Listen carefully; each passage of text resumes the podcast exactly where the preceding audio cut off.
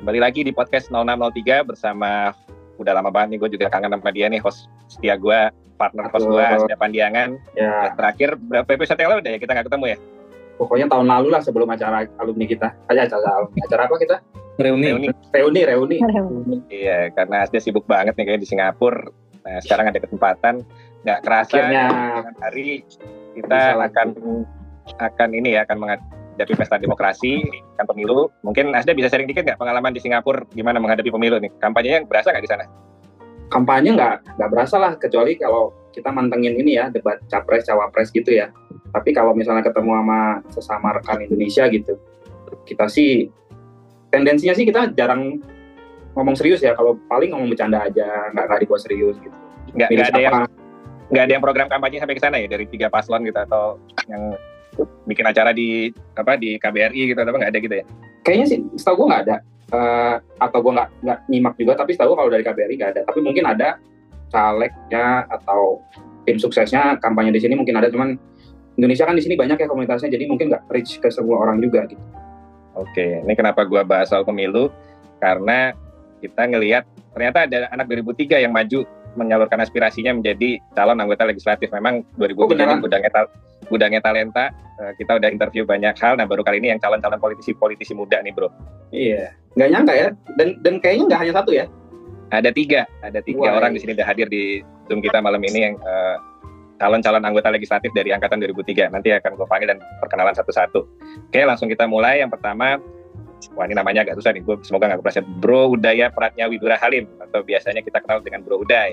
Apa kabar, Bro? Malam semuanya baik-baik. Halo Dai. Thank you udah diundang kemari. Iya, ini kayaknya dulu kuliah dari jalur atlet ya, jalur prestasi. Nggak kepikiran sayangnya waktu itu. Aduh. Yang kedua ada Bro Rizky Afriono. Selamat malam, Bro. Selamat malam Halo. Bro Rizky. Siap. Yang terakhir Sri Kandi kita, cocok sama beasiswa Sri Kandi nih, eh, Mbak Cinde. Cinde Puspitasari. Ya, halo semuanya. Makasih udah kasih kesempatan buat isi podcast. Ya, It's, it's our pleasure semuanya. sebenarnya ya bisa kedatangan ya, ini tiga calon legislatif kita ini. Iya. Ini ternyata ada kesamaannya juga nih. Eh, tiga-tiganya dari gedung B ya. Jadi ini bintang tamu Oh, kedua oke. dari gedung B. Sebelumnya kita pernah interview Bro Au, Narotama Arianto. Nah, Hmm. Sekarang ini pas banget. Nah, bulan temanya juga sama. Mereka bertiga lagi berjuang mendapatkan kursi menjadi wakil rakyat.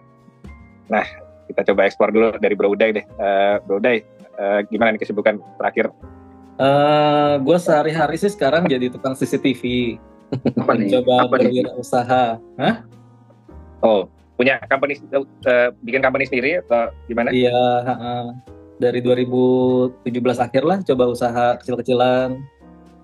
Kebetulan sampai sekarang masih berlanjut jadi bisnis sendiri sejauh ini. Oke. Kalau boleh di-share PT-nya atau apanya gitu? PT-nya namanya Aneka Cipta Sekurindo. Kita bergerak di bidang eh, instalasi CCTV, fiber optik. Sebenarnya nggak jauh dari ini ya ekonomi ya sekuritas ya. Oh, betul betul. Sekuritas cuman beloknya rada miring dikit aja. Oke. Oke. Dulu di kampus bisa perkenalan dikit nggak? Biar teman-teman pada tahu masuk ya pasti masuk bareng kita lah ya 2003. Eh, Iya, dulu kan jurusannya masuk, masuk 2003, jurusannya D3 akuntansi.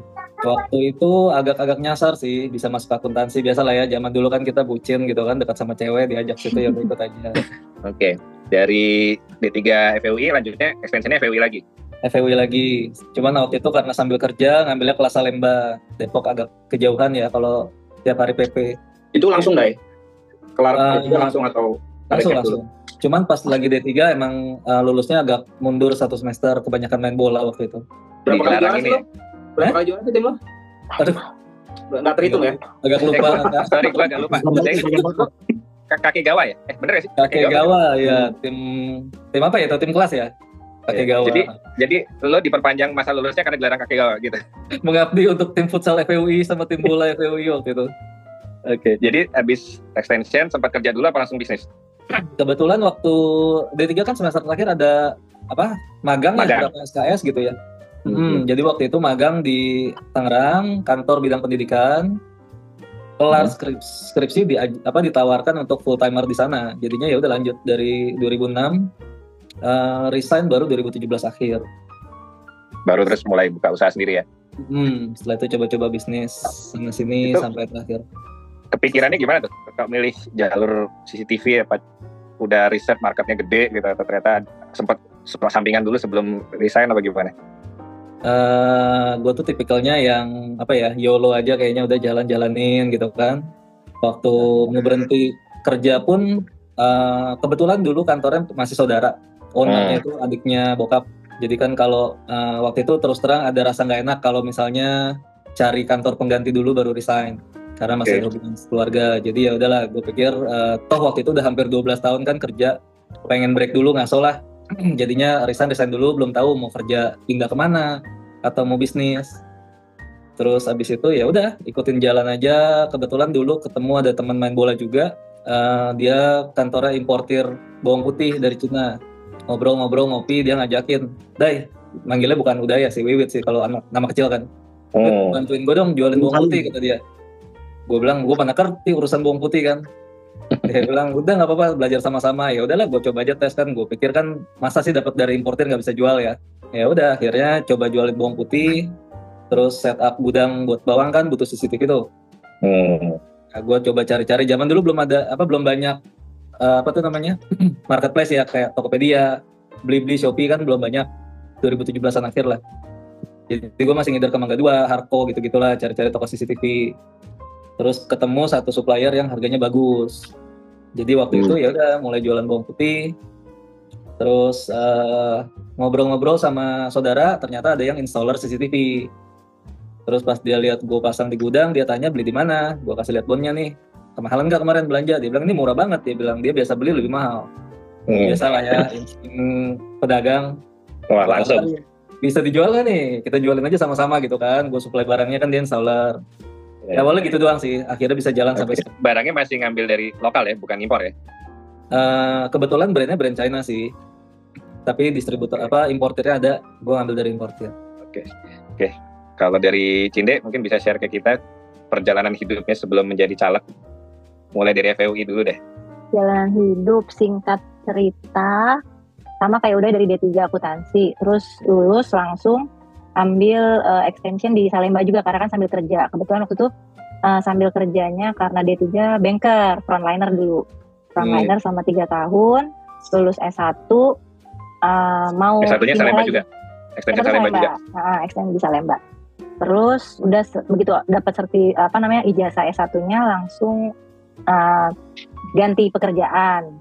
Jadilah di internal auditor di LG waktu itu di Cibitung. Hmm. LG Korea. LG Korea. Hmm. Nah, hanya setahun ya. Nyambung sama FUI lah ya berarti ya. Nyambung, internal auditor kan nyambung kan. Hmm. Uh, hanya setahun berjalan setahun karena biasa lah ya. Uh, akhirnya dapat jodoh, tapi uh, dia mintanya untuk tidak bekerja lagi ya sudahlah gitu kan. Hmm. Uh, namanya mulai, juga mulai kayaknya gue lihat di sosial medianya apa jadi instruktur ya dari situ terus ya, di rumah gitu ya. Emang agak random gitu. Enggak, belum. Itu oh, justru oh, belum belum nikah 2000 nikah 2010 singkat cerita lagi pokoknya anak-anak udah gede pengen kerja hmm. kerja lagi kan karena kan kayak hmm. ibu rumah tangga tuh kayak cuma ya Bukan bukannya ya. mendiskriminasi profesi eh ibu rumah tangga tapi kan ya butuh lah kita aktualisasi diri gitu kan kenapa ya. dai senyum-senyum dai terus Wah, ya udah jawabannya akhirnya, mulai mulai politisi mulai politis juga nih menunjukkan saya bahwa perempuan harus berdaya gitu iya ya mungkin karena di situlah uh, jati diri kita tuh kayak oh ternyata memang nggak cukup, cukup jadi rumah tangga. Terus ya udah yeah, kerja yeah. kantoran dulu sebelumnya karena kan pengen pakai jas uh, S1 kan cuma sebentar banget kan cuma setahun kan dipakainya kan. Kebetulan ada teman uh, teman kuliah waktu S3 eh waktu S1 Salemba itu dia memang orang pajak. Terus akhirnya uh, gue minta tolong bang gue lagi pengen kerja lagi nih ada nggak? Gitu kan. Ya udah dikasih kerjaan tapi emang kayaknya orang uh, gue ternyata baru tahu nih kayaknya gue orang itu nggak bisa apa ya uh, agak bosenan gitu ketika agak monoton nih pengen lagi cari yang lain cari yang lain akhirnya sampai kedua dalam satu tahun itu eh dalam dua tahun kerja di dua perusahaan yang berbeda terus hmm. uh, account, finance and accounting lah pokoknya nggak nggak jauh-jauh dari situ gitu kan nah terus, terus? ya udah sampai akhirnya memang waktu itu sih ternyata singkat cerita kenapa jadi instruktur karena berawal dulu waktu kerja kantoran tuh suka alergi gitu badannya. Kenapa suka gatal-gatal atau apa? Terus akhirnya mungkin begitu trash back kayaknya butuh olahraga nih gitu. Butuh olahraga.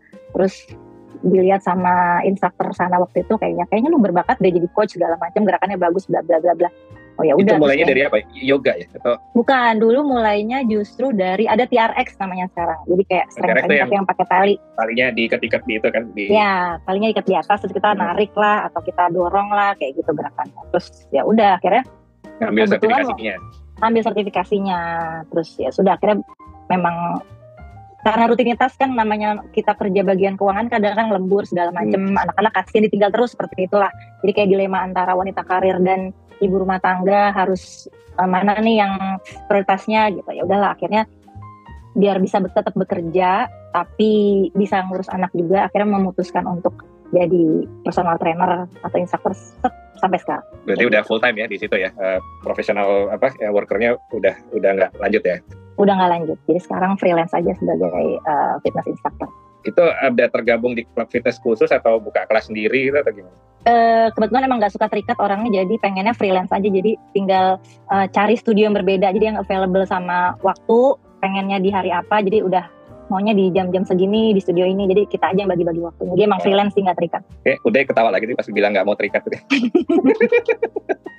ya udah emang begitu orangnya. Kayak settingannya emang suka ketawa dia Nggak, nggak mau terikat tapi cepat terikat ya. Gimana Bro Rizky? Boleh share ke kita nggak eh, apa college life-nya dulu? Oke lah, ya teman-teman ya. Mungkin eh, teman-teman yang sering kenal saya ya, sering panggil Citayam ya dulu Citayam. ayam Mungkin kenal Citayam. Tapi kalau yang udah kenal dari SMA mungkin manggil Bongkeng lah ya. Manggil Bongkeng Citayam. gue taunya sih ayam gue taunya Citayam ayam ya. Jadi, Jadi sebelum masuk sebelum Citayam nge- nge- ngetren sekarang ya udah udah iya sebelum pakai nama. tren tuh gedung B udah punya Citayam duluan dulu sudah ada. Nah dulu masuk D3 akuntansi ya sebetulnya dari abang ya. Abang abang bilang abang kan stan. Udah lalu Hmm. masuk ke akuntansi aja. Sebetulnya kita sih kurang kurang suka ya akuntansi ya. Ya udahlah dicoba sih. Dulu sebetulnya ada pilihan itu 2003 tuh saya sebetulnya masuk di ilmu ekonomi di Universitas Jenderal Sudirman. Oh, Tapi saya nggak ambil karena kan aduh biaya lagi nih jauh kan rumah di Depok biaya ongkos terus lagi ke Purwokerto lagi ya. Prokerto. Udahlah ambil deket akuntansi lah, ikutin lah. Namanya abang yang biayain kan bantu-bantu kan. ya karena di tahun kedua, ya udah mungkin tahu ya kawan-kawan ya. Itu gue coba SPB lagi, gue emang lebih sukanya lebih ke yang ke lapangan ya. Ternyata akuntansi itu kurang kurang minat lah. Jadi kita ngambil lagi arkeologi. Saya emang sering sukanya tuh pilihannya mau arkeologi, kalau enggak geografi. Akhirnya dapet, akhirnya dapat tahun 2000. 2005 saya ngambil arkeologi. Nah itulah ada jembatan tuh di kantin FPUI yang pipa air tuh kayak FIB itu jalur saya tuh. Saya selalu lewat situ sering gomel sama satpam kan. Ini jalan lewat situ. Oh iya tahu tahu yang lewat danau itu kan. Nah lihat lewat danau. Emang itu bisa dilewatin orang ya?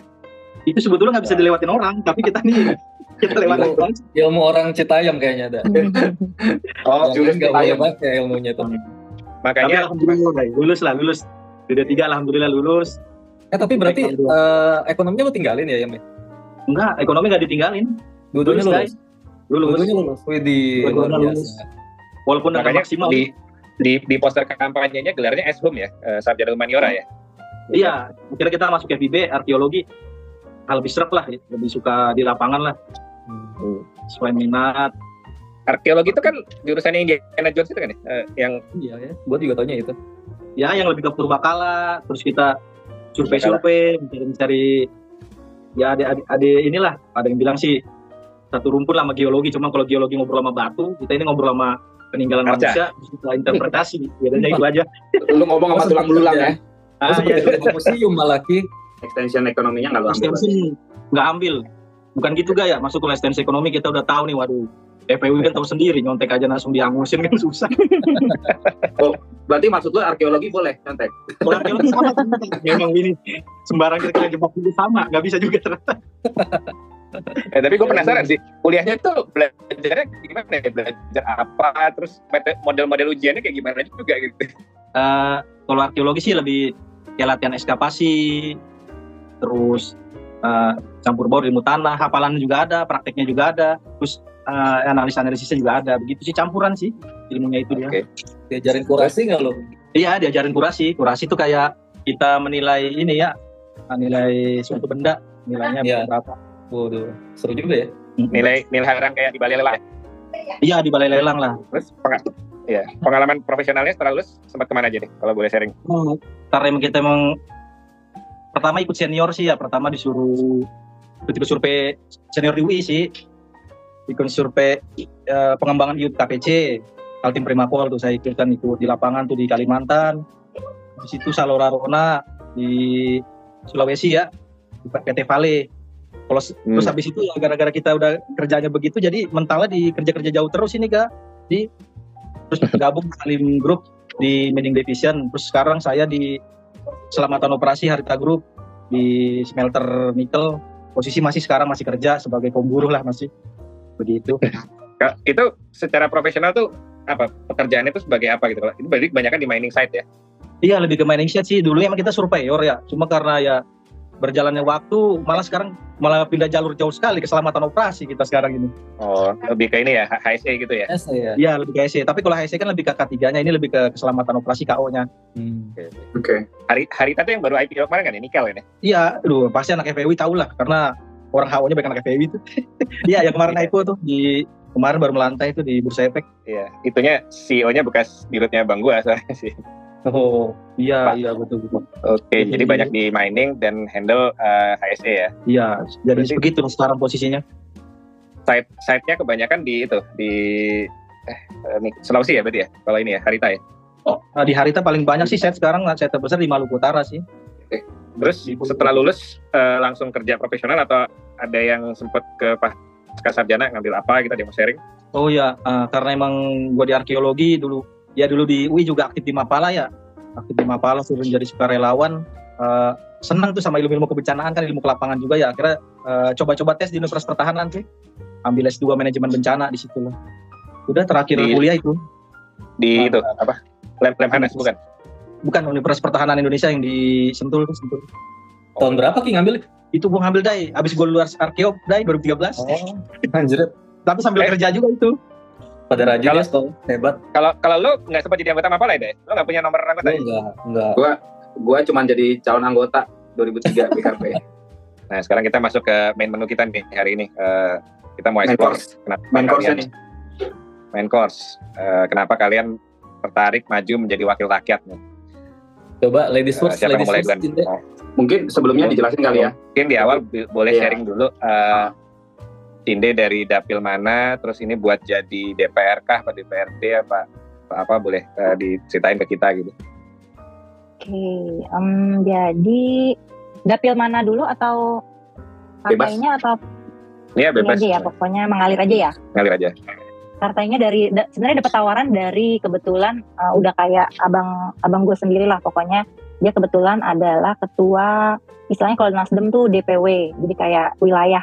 Ya. Uh, ketua DPW Jakarta Nasdem gitu kan. Itu dia uh, dia yang nawarin langsung gitu kan. Kaget juga sebenarnya pas ditawarin gitu kan. Eh lo mau nggak uh, cobain jadi caleg?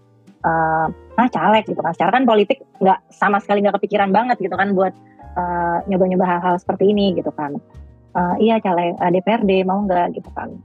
Karena kan sebenarnya dia mungkin ngelihat uh, apa ya dari Instagram gitu kan. Mungkin uh, kayaknya tuh apa yang ya cukup mem, cukup mempengaruhi lah gitu kan. Jadi mungkin karena berangkat dari seorang fitness trainer terus juga kan banyak uh, nge-repost postingan-postingan atau aktivitinya si klien-klien gue atau member-member gue gitu kan. Ini kok uh, ada aja kegiatannya nih kayak masanya banyak gitu. Jadi kebetulan memang kuota caleg DPRD di DKI waktu itu memang lagi kurang dan ada yang satu last minute mengundurkan diri gitu, cewek juga. Terus kebetulan dia uh, influencer katanya. Kan lu influencer hmm. nih gitu kan kata dia gitu. Ah nggak juga kali gitu kan. Ya udah lu mau nggak? Gitu kan. Ya udahlah boleh. Tapi kan apa gitu kan.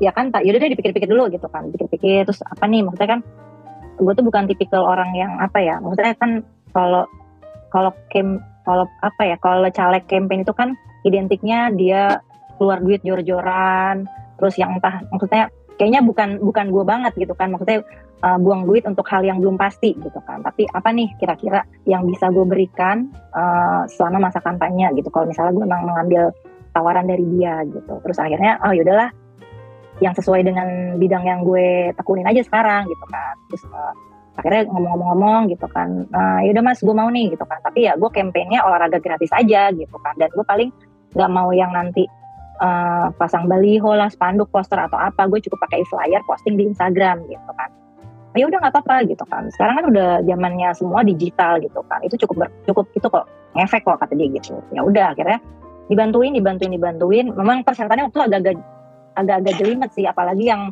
masalah karena last minute banget kan waktu itu uh, waktu deadline-nya Oktober, Oktober atau September ya deh gue lupa. Pokoknya bener-bener. Kalau PSI dulu September 2022 gue daftar. Gue malah 2022, gue justru hmm. bener-bener 2023. Gak nyampe sebulan sebelum deadline tahun oh. ini gitu. Eh, bulan tahun lalu 2000, 2023 Berarti lupa. jadi anggota partai aja masih baru ya? Uh, Cinda ya di Nasdem ya. Mm -mm. Justru waktu itu langsung dibikinin, jadi memang nggak nggak terlibat partai sama sekali gitu kan udah uh, dinyatakan sudah sebagai daftar uh, calon pemilih tetap ya udah terus akhirnya kita mulai. Tapi kan agak-agak lama tuh break dulu karena kan nggak boleh langsung campaign uh, baru hmm. boleh mulai November ya deh kalau nggak salah tuh. Sempat ada break. Yeah, resminya. Uh, uh, resmi masa kampanye. Sebelumnya yeah. pada colong-colongan kan? Ah sebelumnya colong-colongan tuh. Terus oh ya udahlah gitu. Memang barulah aktif aktif campaign lagi kan sekitar November ya. Hmm. ya udah akhirnya mulai nih. Memang berawal pengen campaign olahraga gratis yang bisa uh, oh ya gue di dapil 8 Jaksel. Hmm. Berarti itu wilayah DPRD, ya? DPRD DPRD jadi kalau DPRD itu skupnya lebih kecil. Hmm. skupnya lebih kecil. Jadi kalau Jaksel itu uh, ada dua. Dia dapil 7 dan dapil 8 gue kebetulan di dapil 8 hmm. Jaksel yaitu wilayahnya Tebet Jagakarsa Mampang Pancoran Pasar Minggu. Nah, gue rencananya emang pengen buka olahraga gratisnya di Eco Park Tebet. Sekarang yang udah berjalan ada tiga tiga lokasi. Eko Park Tebet, kemudian di Taman Sepato di Jaga, Jagakarsa, sama ada lagi di Bitcore Garden, itu di samping Bidakara. Yang oh, Jaksel itu kebagi dua ya? Uh... Dapilnya kebagi dua, dapil tujuh okay. dan dapil delapan. Gue kira gue bakal jadi konstituen loh nih. Gue Jaksel yang ada kebayaran lama itu Jaksel satu. Oh iya itu dapil tujuh, sayang sekali. Gak jodoh. Iya terus ya udah. Akhirnya udah alhamdulillah udah mulai berjalan. Hmm. Terus udah mulai terus pengalaman serunya sih ketika ya karena kan ini free ya akhirnya langsung hmm. Uh, open for public gitu kan gue di flyernya pun juga dari Instagram gitu kan ya udah konfit gratis gitu kan pokoknya uh, jargon gue adalah memasyarakatkan olahraga mengolahragakan masyarakat gitu lah ceritanya. Wah, kayak zaman kita SD banget ini. Iya kan bahasa-bahasa itu kan. Main sana yang kan? gitu. Iya. ya sudah akhirnya alhamdulillah berjalan sampai sekarang gitu. Dan uh, tantangannya adalah dikasih tahu sama pengelolanya karena itu fasilitas umum jadi nggak boleh pakai atribut partai. Jadi ya kampanyenya uh, itu aja word of mouth aja. Jadi setelah itu uh, aku, bilang kok karena kalau saya ini mau nyalek gini gini gini tolong doain. Nah, terus yang lucu ibu-ibu itu kan pada kakak nanti kalau kepilih gimana? Tolong adain lagi ya ini bagus banget loh programnya bla bla bla bla. Nah, iya doain aja ya bu, aku bilang gitu, gue bilang gitu. Tapi tadi menarik yang lo bilang zaman sekarang udah e-flyer tapi begitu pas gue ke Jakarta kayaknya tetap banyak ya tapi yang tetap pakai uh, approach baliho, leaflet, poster gitu-gitu ya. Banyak Karena gue juga ya. mikir sama masih, mikir masih. kayak lu gitu loh di Jakarta kan kita udah apa-apa udah serba online, banyak kan ininya ke sosial media gitu ya. Hmm. Ternyata masih banyak juga. Apakah karena mungkin uh, status yang dari DPRD karena mau nggak mau akan kalah kan sama presiden sama DPR gitu loh. Jadi mungkin percuma juga pasang poster kalau ujung-ujungnya yang dilihat hanya DPR sama presiden gitu mungkin nggak? Uh, sebenarnya balik lagi karena kan mungkin budayanya kampanyenya kita kan memang pasang baliho, poster, spanduk dan hmm. lain-lain. Tapi kan balik lagi kita sebagai kita dulu deh waktu masyarakat awam, oke okay, kita ngelihat mereka, tapi inget nggak maksudnya waktu milih sih waktu milih ya yang waktu sih gue gue jujur milih kan nggak ada yang kenal ya apalagi nanti pada saat DPRD kan kita tantangannya di surat suara hanya nama aja nggak ada foto sama sekali jadi memang uh, Iya beda. Kalau DPR kan ada mukanya tuh. Kalau yeah. kita nanti nggak ada. Jadi ya udah nih tiga tiga kan bukan DPRD. Ya udah nih hanya nama kita aja gitu. Jadi ya tantangannya itu gitu. Apalagi kan eh, balik lagi ya katanya paling di atas. Pokoknya kalau nomor urut satu itu antara in, dia udah punya posisi atau dia incumbent yang udah yang sudah menjadi anggota dewan aktif yang sekarang. Which is ya pasti yang bawah-bawah itu juga antara yang hanya memenuhi kuota saja atau memang yang dapatnya uh, dapatnya di situ. Itu juga gue juga dapatnya kan nomor 9 terus memang tadi mikirnya dapil 8 tuh kan bukan sedangkan gue studinya tuh daerah timur kan. Terus gue bilang sama uh, ini abang gue ini mas ini nggak bisa ya kalau pilih di sini. Oh nggak bisa udah penuh adanya tinggal di sini. Ah ya sudahlah gitu. Jadi nanti itu ada ada proses politiknya juga ya menentukan ada. lo masuk dapil. Bukan bukan berdasarkan aspirasi aja oh, gue perasa punya masa dan didengarkan di sini gitu. Tapi tetap balik lagi ke kebijakan pengurus pusat dari partai gitu ya benar-benar biasanya kalau yang nomor satu itu antara dia sudah menjadi anggota dewan ataupun misalnya yang sudah yang terpengaruh yang sudah berpengaruh lah di, di partai misalnya gitu. Ya sesuai kemampuan aja karena kan gue juga nanti tulus nih. Jadi bukan tipe yang pengen gue jor-joran nanti harus keluar duit banyak tapi kan kita nggak tahu nanti apakah terpilih atau enggak. Jadi misalnya ya kalau terpilih alhamdulillah kalau nggak terpilih ya balik lagi ngajar. Udah jadi nanti tulus aja. Semaksimal yang kita yang gue punya lah nanti ya, misalnya kepilih target gitu ya. berapa suara deh katanya sih sepuluh ribu ya deh sepuluh ribu suara dapat kursi gue juga nggak tahu kemarin sih uh, bilang gitu nggak tahu kalau lu nanti kalau memang udah dapet ya uh, ada cita-citanya nggak apa nih mau diperjuangkan apa nih kalau udah lolos nih di DPRD mau hmm. bikin DPRD itu produknya perda ya berarti ya ya nih kalau gue juga masih masih masih ngawang-ngawang ya. Sebenarnya nggak berani nggak berani browsing terlalu deep karena kan ya udahlah. Tapi kan setahu gue uh, kalau kita terpilih nanti kita juga fraksinya kan mereka yang menentukan nih. Yeah. jadi uh, sampai uh, kalau visi misi gue sendiri sih pengennya ngelihat Jakarta yang sekarang misalnya ya pengennya balik lagi.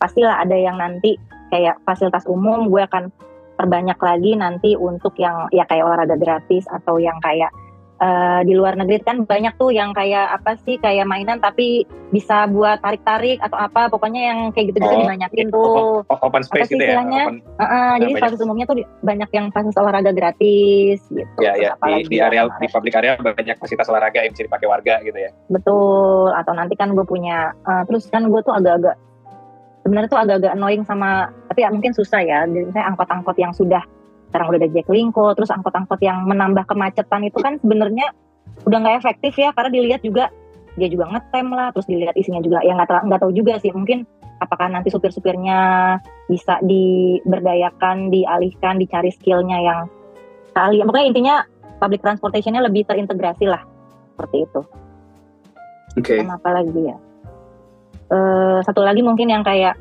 pokoknya segala sesuatu yang bikin lemba uh, kayak uh, apa ya jadi misalnya kita kan kebanyakan nih lulusan SMA ya masyarakat Indonesia ya pada umumnya Jakarta. Jadi memang pengennya kalau bisa tuh kayaknya sedih banget ngelihat yang banyak polisi cepet yang kayak gitu-gitu kan mereka secara fisik kan sehat. Kenapa sih lu nggak uh, jadi bikin lemba, uh, kayak suatu lembaga nanti lu punya skill apa kita cariin tenaga yang bisa dia bikin sesuatu yang nanti lo bisa membuat suatu pekerjaan lah buat lo yang lebih produktif gitu. Nggak hanya jadi pengamen lah atau apa yang nggak tahu sih. Nanti pengennya sih seperti itu. Intinya kan eh, apa ya pokoknya ya jangan sampai lah. Kita tuh budayanya tuh jangan sampai eh, minta aja minta aja pengamen. Polisi cepet itu kan basically kan dia ya hanya meminta gitu. Tapi kan lo kan tidak tidak ada skill tertentu yang bisa lo lo berikan ke diri lo sendiri lah yeah. minimal gitu. Kayak yeah. gitu gitu aja sih.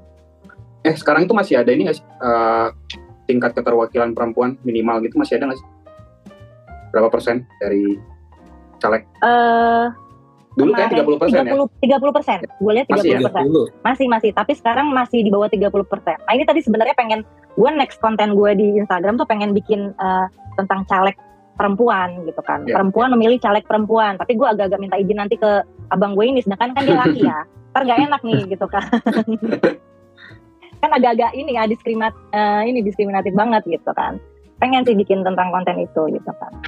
Iya tapi kan masalahnya kita itu adalah memang 30% itu minimal keterwakilan caleg ya tapi tingkat terpilihannya masih jauh di bawah itu juga gitu ya. Masih Jadi jauh memang, 17 deh kalau nggak ya, salah terakhir gue baca. ya, itu PR kita sih terutama PR lu kali ini kalau ntar kepilih gimana meningkatkan keterwakilan perempuan gitu ya.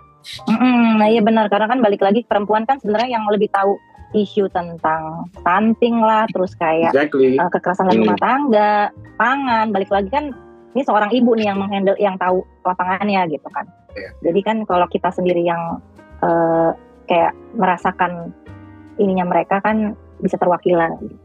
Oke, okay. nih sebelum beralih ke uh, narsum yang lain, terakhir nih gue nih. Uh, tadi kan lu bilang lu uh, nomor urut berapa? Sembilan ya? Sembilan. Itu pengaruh banyak gak sih? Karena kan setahu gue kalau orang tidak memilih part, tidak memilih nama cuma milih partai artinya diutamakan otomatis nomor satu gitu ya.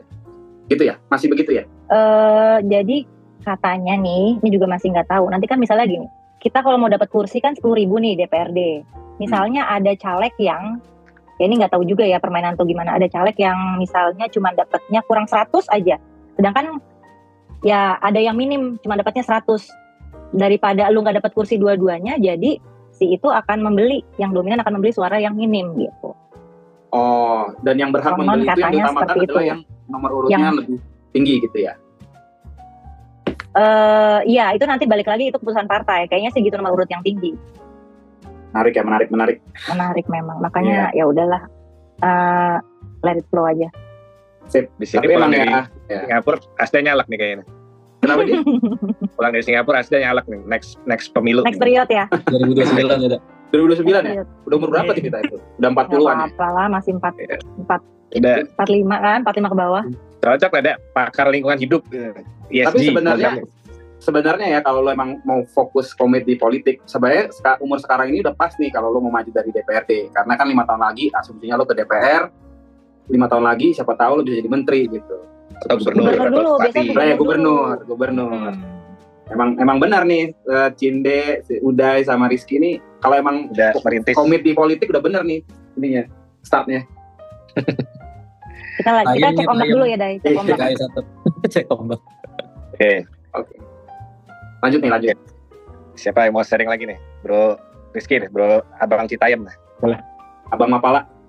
Abang Mapala. eh, Rizky Apriono ya dapil kita dapil BJ dapil kampus tuh. Kampus kita oh, tuh mantap. Rumah ini tuan rumah nih. Dapil dapil BJ Cinere Limo kota Depok 2 partai? Tiga partai kebangkitan bangsa. PKB makanya hijau nih. Lo kalau ngomong hijau banyak yang hijau. Ya. kalau motivasi jadi caleg ya belum belum kepikiran sih kalau pertama masuk ketika kita mahasiswa belum belum kepikiran sih. Tapi ketika berjalannya kuliah kan kita kuliah tuh ya di, di FUI atau misal di Arkeo gitu kan. Sering teman-teman kan tanya e, kalau di di Arkeo beda lagi panggilan saya tumpeng tumpeng. Panggilan apa kan banyak banget tiktokan iya makanya bingung kadang-kadang. Banyak so, so, apa banyak nama lah panggilan. Tapi kenapa sih baju lu tuh jelek terus kalau di kampus? Ya kita bilang ya kita bagaimana mahasiswa kalau kita tidak bisa merakyat dengan masyarakat ya kita nggak bisa memecahkan masalah masyarakat. Itu menurut saya sih jawaban idealis banget ya idealis masih mahasiswa ya. Saya juga sih seumur sekarang kita inget-inget kenapa sih motivasinya Alwanin ya? Terus mungkin di sini ada Joshua ya kalau Joshua juga denger lah. Dulu kan Joshua kan Joshua udah tiga FWI kan sering jalan tuh. Jos jalan Jos yuk ke kupusan yuk. Kita ketemu warga. Ternyata kan warga kan ada yang terlilit hutang lah nggak bisa buka usaha lah. Sedangkan kita masih mahasiswa untuk makan aja susah ya kan? Makan susah kadang-kadang. Terus ada ibu-ibu juga kita bantu bikin usaha gorengan di kukusan sampai sekarang pas saya datang sih udah nggak berjalan sih usaha tapi selama saya tinggal dulu bertahun-tahun lumayan lah. Oke ya silakan bro deh. Uh, gue maju di gue kan asal dari Tangerang ya. Jadi gue maju di dapilnya Banten 7 Banten 7 itu terdiri dari uh, eh, 8 kecamatan. Dapilnya ada kecamatan Tangerang kecamatan Karawaci Priuk, Benda, Neglasari, terus apalagi nyontek dulu Cibodas, Jatiwung, Batu Ceper, itu di okay. Tangerang semua. Uh, terus um, kalau ngomongin motivasi nyalek ya terus terang sih uh, gua tuh agak concern sama politik gara-gara uh, dulu cukup ngikutin Jokowi Ahok lah ketika mereka maju DKI 1 ketika mereka menjabat ya gue ngelihat uh, terus terang banyak banget kebijakan-kebijakan politik tuh yang bisa nolong masyarakat khususnya masyarakat masyarakat kecil gitu kan. Terus uh, ketika itu uh, si gue sempat inget lah Ahok pernah ngomong kita nih di Indonesia pada orang teriak-teriak politik kotor politik kotor. Cuman masalahnya orang yang relatif bersih pada nggak mau masuk ke politik gitu. Sampai akhirnya ya udah uh, gue cobalah ikut uh, teman-teman yang udah lebih dulu di partai. Gue dulu pernah masuk Nasdem juga deh 2017 2018 ya. Gue tuh di Nasdem sebelum akhirnya iya, pindah ke PSI mm-hmm. dulu teman ngajak ke Garda Nasdem. Itu lo masuk demi persiapan 2019 gitu 2017 Enggak rencananya? juga. cuman kan dulu pengen pengen tahu uh, lebih ke lebih ke pengen tahu sih sebetulnya kehidupan politik Indonesia tuh ngapain aja sih di dalam gitu kan. Oh. Ya udah yang paling gampang daftar partai aja dulu biar ngerasain sendiri. Terus 2019 bantuin ada senior uh, di kampus anak gue dulu. 2019 dia minta tolong gue jadi uh, ya tim ses kali ya dibilangnya kalau sekarang temenin dia kampanye. Terus gue lihat uh, dia ngider ketemu warga walaupun akhirnya waktu itu dia maju DPR RI melalui PSI nggak tembus threshold 4% kan. Yeah. jadinya dia nggak dapat kursi. Cuman selama perjalanan itu ya cukup banyak belajar lah. Terus ya sedikit banyak uh, eh, gue pikir ya adalah uh, 2024 ini gue coba aja maju sendiri pengen tahu. Kan beda ya antara ngedampingin sama nyemplung sendiri gitu. Ya, ya udah akhirnya ya gue iseng terus ya gue lihat-lihat sana sini uh, di PSI kebetulan kalau mau nyalek biayanya nggak gede-gede amat jadi makanya gue maju dari PSI gitu oh bukan karena PSI warna merah dan lo dikasih nomor 7 gitu enggak enggak Padahal di dalam PSI-nya juga kalau gue boleh spill dikit ya sebetulnya gue uh, majunya bukan di dapil yang ini. Sebetulnya dulu hmm. gue daftar itu untuk DPRD tingkat kota, level yang paling dasar lah. Karena uh, gue pikir pengen namanya maju pertama kali gitu kan, newbie nih. Hmm. Coba ngurus kampung sendiri dulu dong. Kalau ngurus hmm. kampung sendiri udah bener, udah mampu, barulah pikir skop yang lebih luas gitu kan. Gue pikirnya gitu dulu. Terus ketika gue daftar di dapil tersebut, uh, somehow ya ada yang agak kelihatannya agak kurang happy lah. Hmm, takut gue mengancam kursinya dia gitu kan. Akhirnya ya udah. Tadi yang bahasanya Bro Adi tuh di dalam pendaftaran partai aja ada politisasi kan. Akhirnya gue digeser lah ke level provinsi. Loh, gitu. kok Berarti... itu bukan digeser dong, dipromosikan dong. Lebih besar lagi ya? iya. iya. dipromosikan tapi jadi lebih berat kan untuk dapat thresholdnya ya? Betul, betul. Gue sih kalau lihat uh, hasil 2019 lah ya, harusnya secara teori sekarang dapat 6.000 suara uh, kemungkinan besar gue dapat satu kursi gitu. Tapi kan uh, ya Cinta juga mungkin denger lah Tayam juga mungkin denger lah cerita-cerita gimana di belakang layar suara suka bisa bergeser gitu kan. Dibilangin dari amannya 20 ribu suara. Dan gue juga kebetulan mirip sama Cinde nih. Gue nggak mau pasang-pasang yang motor-motor jalanan lah spanduk flyer tempel-tempel stiker di tiang listrik gitu-gitu. Gue nggak agak kurang suka ya. Jadi gue nggak melakukan itu gue juga cuman kampanyenya online aja dari sosial media dari teman-teman deket yang kenal gue kasih tahu gue maju. Kalau misalnya mereka ngerasa selama ini punya suara dipakai untuk nyoblos ke sana sini belum terwakili ya siapa tahu mau coba nyoblos gue ntar 2024 gue available untuk dipilih gue bilang gitu. Gitu aja sih. Sebenarnya sih gue nggak ada masalah ya kalau baliho baliho itu ya. Yang gue katakan itu kadang editannya itu loh. Eh kinclong banget kayaknya mukanya beda waduh, banget ya pastinya ya.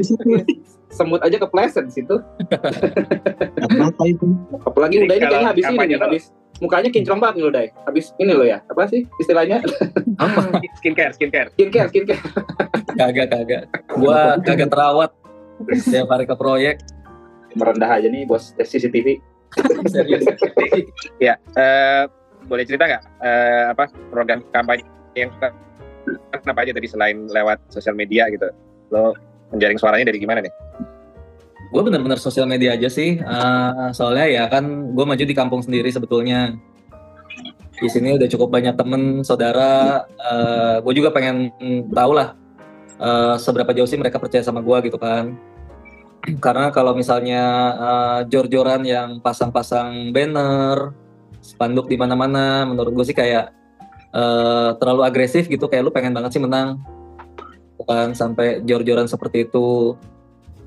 Enggak, gue rasa ya enggak gue banget lah gitu kan. Gue ya harus menang deh, gimana deh? Itu dia masalahnya. Gue sih sekarang maju ya dibilang iseng-iseng ya iseng-iseng sebetulnya karena gue cuma pengen tahu uh, prosesnya menjadi caleg itu seperti apa sih dan gue pengen share itu ke teman-teman ke keluarga ke saudara sebanyak mungkin semoga ya one day mereka ada yang terinspirasi terus maju nyalek juga gitu kan gitu sih. Oke. lu lu, Kalau lu pengennya gini ya ngasih ngasih brand mencoba ngasih brand positif terhadap maju nyalek itu nggak salah loh dan orang-orang yang bagus itu harusnya nggak perlu ragu-ragu untuk maju gitu ya. Betul. Ngeri ngeri budaya iya benar benar banget sih. Kayak okay. kemarin Sekarang, uh, gimana gimana? kalau bo kalau boleh nambahin ya jadi kayak kita kan baru caleg gitu kan tapi kayak udah wih nyalek gitu. Padahal kan ya nggak tahu mungkin karena gue juga dibantu pada saat proses uh, seleksinya dan segala macam gitu kan. Tapi nah ini kan baru caleg gitu baru caleg belum alek gitu. Jadi kayak orang tuh masih uh, orang ya kita aja sebagai masyarakat umum gitu kan mikirnya kalau caleg tuh pasti lo but, punya duit banyak lo udah keluar duit banyak untuk lo bisa mendaftar uh, sebagai caleg gitu. Padahal mas sebenarnya ya bener mengedukasi. Sebenarnya kita mengedukasi aja gitu.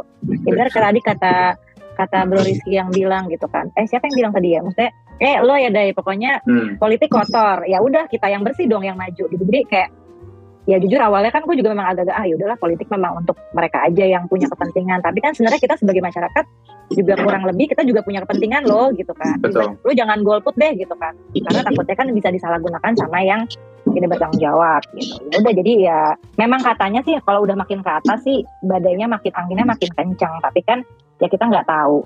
Uh, kalau kita nggak nyoba kita juga nggak tahu sih gitu kan. Jadi ya kenapa nggak dicoba gitu ketika ada kesempatan Iya dan sejauh ini ya uh, uh, gue kan emang belum apa bukan pakar ya di bidang politik itu kan pemula banget lah boleh dibilang. Cuman uh, apa yang gue sadari sekarang terus terang ya uh, sistem di negara tercinta kita ini ya begitu kan sistem politiknya ya seperti ini demokrasinya seperti ini. Jadi kalau misalnya kita berharap uh, kita bisa punya negara yang lebih baik di hari esok ya mau nggak mau harus melewati proses ini gitu. Salah satunya ya kita mesti punya wakil-wakil yang baik di dewan baik secara kualitas dan apa pun itu gitu ya. Karena kalau misalnya enggak akan susah lah kalau kita expect negaranya mau maju. Ini ya harus dan dengan tangan sama-sama sih menurut gua nggak bisa sendiri-sendiri aja. Negara ini kan gede banget uang yang besar banget gitu. Kalau misalnya uangnya nggak tepat sasaran ya wasted banget lah tiap tahun begini-begini terus mau sampai kapan gitu sih. Kemampuan ngomong lo sama kemampuan gocek bola lu sama sekarang deh kayaknya guys. Mau ngeledek apa lo? Enggak, gue kira tadi kan gue mikir lu pengennya semua orang nyalek itu pengen menang. Kalau perlu apa pun caranya tapi ternyata dari cerita kalian ternyata cukup idealis juga gitu ya di luar di luar apa yang gue bayangkan juga sih sebenarnya. Sebenarnya ini mau denger Rizky lagi nih tadi potong ya. Sinyal hilang ki. Iya sinyal sih lagi di Beji nih di rumah. Lu majukan Beji dengan majukan internetnya dong boleh boleh boleh boleh Bro Tayam nih, uh, coba di share ceritanya kenapa terpanggil tadi. Menarik tadi yang uh, yeah. survei ke masyarakat kecil di lingkungan Utek berarti ya, dari sekitar yeah, Utek ya. Lukusan dulu lah sama, dulu sama Bro Joshua kan. Gimana Jos ini? Ya, ya tadi permasalahannya lah, ada terlilit utang ya. rentenir, tidak punya modal usaha atau atau mau usaha juga bingung mau usaha apa. Ya udah kita kumpulin lah, kita kumpulin dari teman-teman, kita coba bikin jus sama gorengan, ya berjalan lah lumayan lah. Minimal bisa menghidupi keluarga itu buat dia sekolah anaknya sampai sekolah. Sampai sekarang masih kenal sama saya sama Joshua juga kalau datang pasti kenal lah. Itu saya namain dulu namanya kerikil kekuatan ekonomi rakyat kecil. Jadi saya percaya sih dulu di mahasiswa ya ya kalau bisa mah masyarakat kecil ya dari ekonominya dulu yang aman. Supaya bisa dia bisa bersekolah. Karena saya juga kan dulu kan naik kereta tuh di rumah dari dari Citayam sampai ke Jakarta bareng sama teman-teman teman-teman nggak ada yang berani masuk UI siapa yang berani masuk UI biayanya mahal. Tapi kan saya ada cita-cita. Lu mau masuk mana keng? Lu masuk UI ah kayaknya.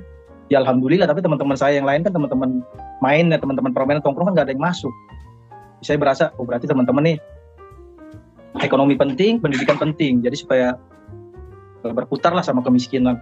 Terus juga masih masih di Mapala kita ngapain sih jauh-jauh? Kita sering jalan-jalan jauh. Akhirnya saya coba di Ciliwung tuh. Di, di Beji juga di Beji saya bikin proposal saya ajak-ajak senior dan juga anak mapala junior saya. Bikin konsep namanya wisata pendidikan lingkungan sungai. Saya presentasi ke kelurahan Pak Lurah kemiri muka. Itu sampai masuk berita tuh masuk berita di koran Depok tuh. Wisata pendidikan lingkungan sungai akan dieksekusi oleh pemerintah kota Depok. Saya ditelepon itu saya lagi udah merantau ya udah merantau jauh Bang Rizky itu ide WPLS-nya udah mau dijalanin tuh. Wah alhamdulillah sampai jalanin? Bisa nggak sebut di sini ya? Adalah. Tapi ketika sebut aja ntar kita ini kita sensor. udah lama. Dari kota penasaran. kita baru sama pemerintah lah, pemerintah dan atau uh, ya politik lah, politikus lah ya. itu kan suatu suatu ide ya. Masyarakat senang dengan dengar ide kan.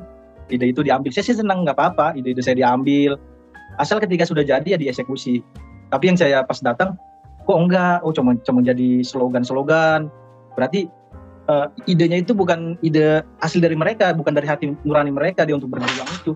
Makanya saya merantau jauh-jauh tapi udah lama ya tiba-tiba kan ada konstatasi nih teman-teman bilang Ki lu maju aja lagi lu kan emang suka nih ribet-ribet lah di masyarakat lah ngurusin masyarakat lah apakah dari mahasiswa. Memang sih emang ya sih pikir sih hati ya. Iya dari kecil dari apa dari mahasiswa tadi saya bilang kan kenapa sih baju lu gembel mulu? Ya gimana? Kalau kita belum bisa merakyat kita gimana mau uh, ya bersama masyarakat lah begitu kan. Idealis sekali lah masih mahasiswa lah. Pemikiran idealis. Makanya saya terpanggil ya. Cobalah. Memang sih saya wakil rakyat ya? Iya tapi memang emang sih ada. Karena sekarang kondisi kan saya kan kerja jauh nih, kerja di Maluku Utara, merantau udah lama hampir hampir 8 tahun saya merantau di luar. Udah kurang uh, tapi ngebangun sel lagi di, di Kota Depok kan. Jadi wilayah main sendiri lah. Teman-teman juga itu. Ya niatan saya sih ya ya ingin lebih bermanfaat saja sih. Enggak tadi maksudnya kalau kalau kita jadi jadi manusia, kalau saya bisa bekerja, alhamdulillah lah misalnya saya bisa menghidupi anak istri, membantu keluarga. Itu kalau saya bekerja ya. Tapi kalau kita kita masuk ke dunia politik, saya bisa ada kebijakan, saya bisa menggolkan itu. Bisa pendidikan lingkungan sungai bisa saya hidupkan. Bisa saya dorong lah dengan cara apa pun. Misal dengan APBD yang tidak ada, saya bisa cari investor dari mana untuk itu jalan, perekonomian di kemiri muka hidup, atau ke, apa tuh saya ide-ide saya masih mahasiswa kekuatan ekonomi rakyat kecil kerikil, bagaimana masyarakat bisa mengakses modal-modal murah dan juga dengan dengan bunga yang rendah, minimal masyarakat bisa hidup sehari-hari. Itu aja sih, makanya saya terpanggil. Udahlah majulah. Maju jadi uh, wakil rakyat lah. Coba lah jadi caleg lah. Dan saya sepakat sih sama Cinde sama Uda ya. Memang kenyataannya masyarakat ketika kita mencalonkan diri masyarakat kadang-kadang berpikirnya salah tapi karena itu kan karena didikan yang salah jadi tugasnya caleg calon anggota legislatif ya tugasnya kita mendidik kembali saya udah bilang setiap saya masuk ke area kampung saya bilang saya nggak akan memberi apa-apa ibu-ibu ibu-ibu di sini kasih uang seratus ribu satu juta itu hilang saya tidak akan memberi itu. Jadi kita okay. dari awal sih bilang, saya bilang dari awal serangan fajar tidak ada, tapi saya jelaskan ide-ide. Ternyata masyarakat kita ya juga enggak eh, kan banyak yang takut juga. Ternyata enggak juga sih. Mereka senang juga sih. Dengar-dengar mungkin kata orang ah ini ngoceh-ngoceh aja sih. Tapi nggak apa-apa lah. Yang penting kita kan kita edukasi masyarakat. Kita jadi caleg bukan kita ini uh, ingin meraih kekuasaan tapi kita mewakili aspirasi masyarakat nanti. Biarlah saya jadi jembatannya. Jembatan saya sering bilang kalau saya jadi ya saya jadi jembatan bapak-bapak ibu-ibu. Saya belajar sama bapak-bapak ibu-ibu. Saya juga di sini bersedekah waktu. Terkadang caleg-caleg itu maunya uang-uang itu juga nggak bersedekah. Dia berpikiran nanti kalau rugi jadi stres. Itu aja kalau caleg yang stres ya. Tapi kalau kita bersedekah waktu insya Allah uang juga kita bisa kasih. Waktu itu kan umur kita. Ya yeah. jadi kalau masih mahasiswa aja kita nggak peduli sama masyarakat sekitar uh, bagaimana kita jadi wakil rakyat nanti. Ngeri. ya itulah, tapi ya Ya, Pak Dewan. uh, kayaknya lu, Bang Tayang kan, yang paling siap jadi wakil rakyat nih. Iya. Udah udah mulai mengejar jelas ya. Dari zaman dari zaman kuliah ya. Iya gitu, Bang Adi. Eh, Dia tapi ya status lu kan paling beda sendiri nih. Lu masih statusnya employee lah di sini ya. Iya, Kalau lu kepilih lu cabut dong, harus resign dong. Iya, resign. Oh. Resign. juga ya Asga ya mohon maaf ya ini kita kan kalau sebagai kita kaum buruh ya karyawan kadang-kadang kita di sosial media juga saya kurang upload karena kan takut ada nanti dari HR bicara apa kan politik itu kadang-kadang uh, ya di, di dunia industri juga di dunia kerja kadang-kadang sensitif ya. Ya betul. Orang berpikir politik itu kan ya tadi udah bilang kotor. Nanti si Rizky pasti tuh ada bilang si Rizky tuh politikus tuh. Kan makanya saya kurang-kurangi lah saya lebih baik dan ke masyarakat kenalan yang udah kenal saya silaturahmi itu aja lah. Jadi jadi model kampanyenya saya lebih banyak ini ya belusukan langsung nih ya. Mendengar aspirasi iya rakyat. sih. Juga teman-teman mohon maaf ya kalau rada-rada logat-logat Maluku nih ada saya sebutnya kita kelamaan merantau masalahnya ke bawah ya ke bawah ya ke bawah logat masih ke bawah susah cetemin logat Jakarta lagi eh nanya dong ini kita kan memang gue sih nggak mau bahas capres ya, tapi gue penasaran kalau dari waktu kampanye kalian, berapa persen sih lo, kalian alokasiin untuk mengkampanyekan capres kalian? Di, versus kalian yang mengampanyekan diri sendiri. Siapa deh? Cinde deh boleh. Siapa? Oh, kalau apa namanya? Kalau capres sendiri, jujur gue secara uh, secara gamblang nggak pernah kasih tahu karena kan balik lagi tadi kan karena ke kemampuan gue adalah uh, kampanyenya lewat sosmed kan tadi agak khawatir juga secara kan follower gue ini kan beragam nih kan kita iya, nggak yeah, tahu yeah. nih jadi ya udah gue mengusung nama gue sendiri jadi kalau uh, capres sama sekali gue nggak uh, gue malah lebih ke gini siapa pun gue malah lebih mengedukasi mereka adalah coba pilih uh, presidennya yang bener-bener balik lagi ya kan uh, ada juga gimana ya itu kan masing-masing kita punya kepentingan kan ya kalau orang nggak punya kepentingan pasti maunya perubahan kayak gitu jadi mm-hmm. gue kan kadang-kadang juga agak kepo kan kayak kemarin ngeliat si debat uh, cawapres yang terakhir ternyata artis ini uh, kayaknya milihnya nomor sekian gitu kan oh ternyata okay. Uh, jadi kayak gitu-gitu gue sih nggak nggak nggak terlalu apa namanya nggak harus misalnya Nasdem Nasdem kan 01 tapi gue tidak tidak mengkampanyekan si Amin gitu. Ya udah yang gue usung adalah gue sendiri karena kan takutnya nanti itu kan sensitif banget ya. Even misalnya kan misalnya gak usah ini deh kayak ya Amin kan terkenal dengan yang pokoknya kalau orang yang Islam cenderung Amin gitu kan. Padahal kan enggak yeah. juga gitu. Nah itu kan sensitif makanya gue nggak nggak sama sekali mengiklankan uh, capresnya. Tapi emang itu dilema di level ini ya caleg ya karena dia juga mau jaga konstituennya hmm. tapi partai juga harus punya partai juga sendiri. gitu ya. Iya benar-benar. Tapi kan dia balik lagi gitu kan. Nanti kan kalau ya. kita di di apa di kotak suaranya kan ya itu hanya kita doang yang tahu gitu kan. Even iya. misalnya tiba-tiba gue nasdem tapi gue milihnya 03 gitu kan. Ya udah kan gak ada yang tahu sebenarnya kan. Jadi ya sudahlah ya. gitu kan. Itu udah pilihan uh, hati kita masing-masing sih. Kalau lu deh? Kalau gue ya sebetulnya sih uh, caleg yang paling ribet itu yang gue dan serumpun sebetulnya. Kita nih ya kan uh, apa dibilangnya gue kan keturunan Tionghoa lah ya. Hmm. Turun Tionghoa dan uh, ketika gue masuk PS, daftar ke PSI kan gue melihat PSI sebagai partai nasionalis. Ya seperti PDIP kalau lihat dari segi partai. Ketika dulu uh, masuk PSI PSI sempat ada yang rembuk rakyat mau dukung Ganjar gitu kan dari segi nasionalis ya terus terang gue dukung. Di antara tiga dulu kan Ganjar Prabowo sama Anies gue dukung Ganjar.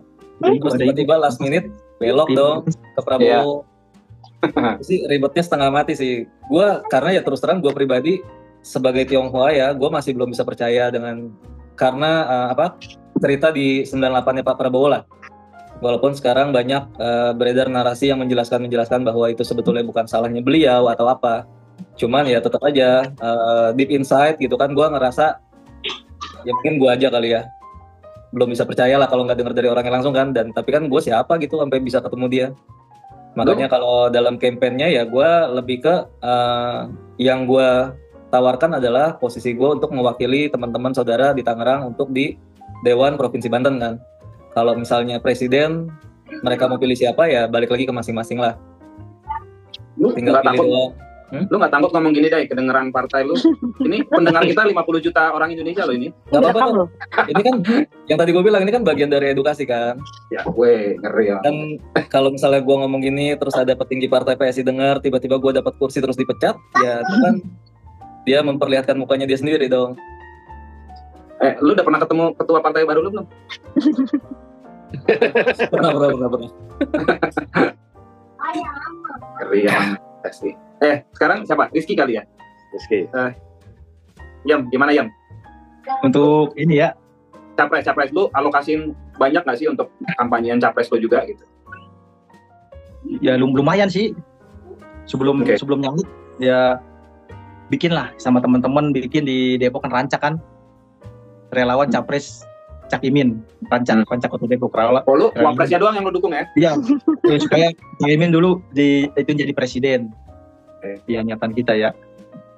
Uh, terus uh, kalau untuk sekarang yang Amin dan Amin ya, kalau untuk di Kota Depok uh, kurang kurang sih saya kurang mensosialisasikan sih, tapi bukan kurang tapi kalau di Kota Depok sih Insya Allah lah. Kalau Amin mah udah ndak udah Depok kayaknya nggak butuh di promosi lagi Amin ya. ya tinggal tinggal, tinggal nyerok tinggal nyerok.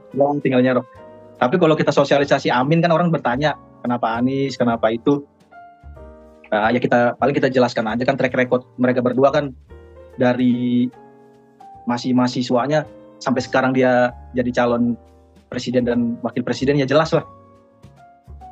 Ya jelas lah track recordnya. Jadi kan ya itu uh, tidak berbohong lah sejarah lah. Jadi kan orang bisa bertanya aja tuh uh, siapa capres itu? Pernah ini kah? Pernah itu kah? Kalau ngutang bayar apa enggak kah? Ya kan jelas-jelas aja kan orangnya curang kah? Suka nyontek kah? Itu jelas lah sejarahnya. Itu jadi kalau lihat dari dua itu kan uh, Anies Baswedan sama Cak Imin ya matang sih. Di dunia di dunia aktivis sama dunia cocok lah jadi jadi pimpinan untuk level nasional ya. Jadi ya saya sering sosialisasinya itu. Tapi kan lo ini ya lo kan menikmati iya. hilirisasi, hilirisasi lo Ah, yang menikmati hilirisasi. Nah, lu bertentangan sama pro ini anu kantor nih kayak iya. Bertentangan ini. Dan untuk hilirisasi ya uh, dukung nggak? Dukung nggak? Itu dulu dah. Hilirisasi. Ya kan sudah menikmati lah gimana. Ah, hilirisasi itu periodasi yang penting kan periodasi tapi kalau hilirisasi sih ya sepakat ya teman-teman ya hilirisasi kan ya. Dari kita belajar-belajar di fakultas ekonomi tentang hilirisasi lah, investasi lah, itu kan salah satu investasi ya. Downstream kan, ya? Iya, yang perlu yang perlu di PR-kan di hilirisasi ini kan tinggal remnya aja. Ya. Hmm. Ahli teknologinya betul-betul ahli teknologi. Orang Prancis ini bikin smelter ya, mungkin kita diajarin teknologinya. Tiongkok juga sama, Jepang juga sama. Nah, kita nggak anti nggak anti hilirisasi, cuma pengaturannya itu jangan sampai uh, terlalu kebablasan lah sama bagian sama bagian lo yang paling penting ya safety iya yang penting udah udah mulai cocok lo jadi politisi lo pinter ini yang lemparnya bisa kan Oke, dak, uh, menarik banget nih uh, obrolan kita malam ini dengan para oh, iya. caleg teman-teman kita. Menginspirasi banget ya. Gue seneng aja melihat mendengar mereka ngomong kan harus hati-hati. Jadi dipancing-pancing dikit. Iya. Di penghujung podcast ini kita kasih kesempatan ya buat uh, masing-masing closing statement bisa promosiin programnya, partainya atau sosial iya. medianya. Ya. nanti Bebas. Lupa, uh, Oke, okay, satu-satu mulai dari siapa aja terserah yang mau volunteer duluan. Ya Cinda deh, ladies first, ladies first. Selalu nih kalau kayak gini ladies first mulu yeah. yang di gadang-gadang. Oke. Okay. Um, jadi uh, makasih buat Asda and Adi yang udah ngundang kita. Senang banget bisa uh, ngobrol-ngobrol santai seputar uh, caleg ini karena kan balik lagi nih kita tujuannya kan pengen mengedukasi juga, kasih pengalaman juga ke teman-teman yang dengar juga bahwasanya untuk menjadi eh, nggak uh, ada salahnya loh kita untuk berkecimpung di dunia politik ya walaupun apa namanya uh, demi apa ya maksudnya walaupun kita kayak ini di luar jangkauan ternyata begitu ada kesempatan dan ternyata ada kemauan, kemudian kita juga ada tujuan, uh, itu insya Allah sih akan dilancarkan. Nah sekarang tinggal bagaimana kita masing-masing caleg uh, bisa bisa berkontribusi lah, terus juga dengan lingkungan yang ada di sekitar kita, kita pengen kasih gagasan perbaikan. Karena kan lingkupnya juga DPRD ya mungkin skupnya juga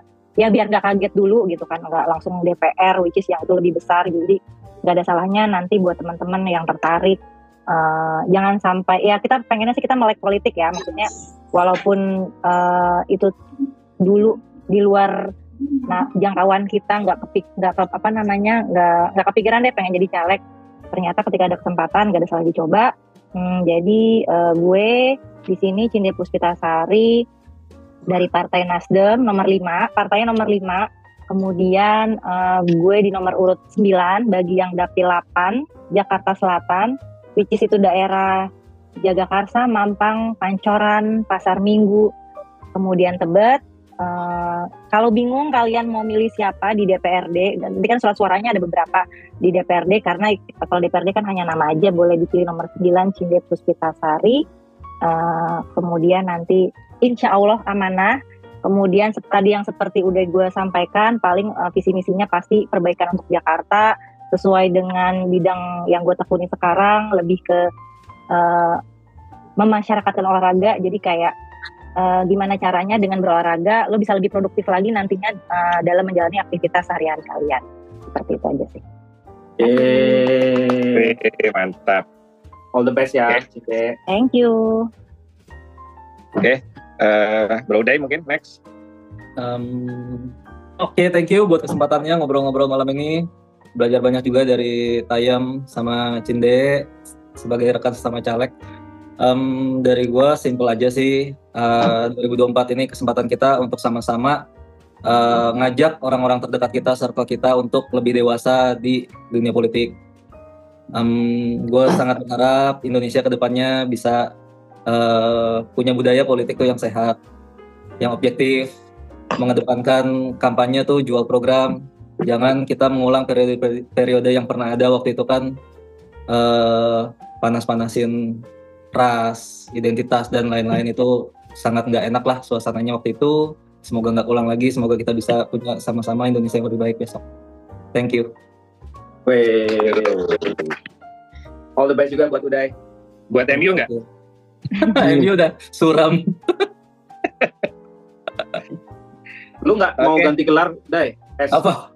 Sarjana psikologi yang SPSI. Bini gue psikologi. Oh iya. Pernah tuh okay. udah gitu tuh. Dan terakhir kita berikan ke Bro Tayem, Bro Rizky Afriono. Silakan. Ya, Assalamualaikum tumpeng. Terima kasih teman-teman atas, atas waktunya ya teman-teman. Untuk podcast ini menurut saya ini podcast yang bagus ya.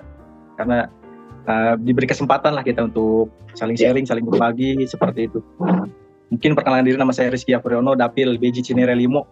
Nah, itu dapilnya kampus kita lah. BJ itu sebagian ada di Tanah BJ, mohon dukungan teman-teman. Uh, terus dari saya dari Partai Kebangkitan Bangsa nomor 8, Dapil Kota Depok 2, BJ Cinere Limo. Mungkin pesan-pesan buat teman-teman ya untuk uh, pesta demokrasi ini kita kan berdemokrasi ingin mendapatkan uh, masa depan yang lebih baik lah atau perbaikan di lingkungan kita minimal ya terutama di tingkat DPRD jadi teman-teman di lingkungannya jika memang ada orang-orang yang maju jadi anggota DPRD itu boleh dipelajari dulu orang itu siapa dia uh, dulu-dulunya sebelum maju itu seperti apa. Kalau track recordnya memang dia minimal ya tidak perlu kasih minyak goreng lah nggak usah ditanya kasih apa sembako kasih uang. Jangan ditanya itu dia pernah gak dulu sebelum dia jadi nyalek dia memberikan waktunya untuk masyarakat sekitar itu beri kesempatan. Saya, saya minta tolong teman-teman beri kesempatan ke mereka karena kemungkinan dari mereka mereka lah teman-teman nanti punya aspirasi yang betul-betul dijalankan nanti. Jadi ini waktunya teman-teman untuk memilih orang-orang yang tepat. Walaupun mungkin nomornya nomor buncit ya nomor 9 kayak Cinde kayak saya nomor 8 seperti itu. Oh, kita urutan ya 789 Cinde Cinde original tuh. Mengolahragakan masyarakat men, masyarakat olahraga.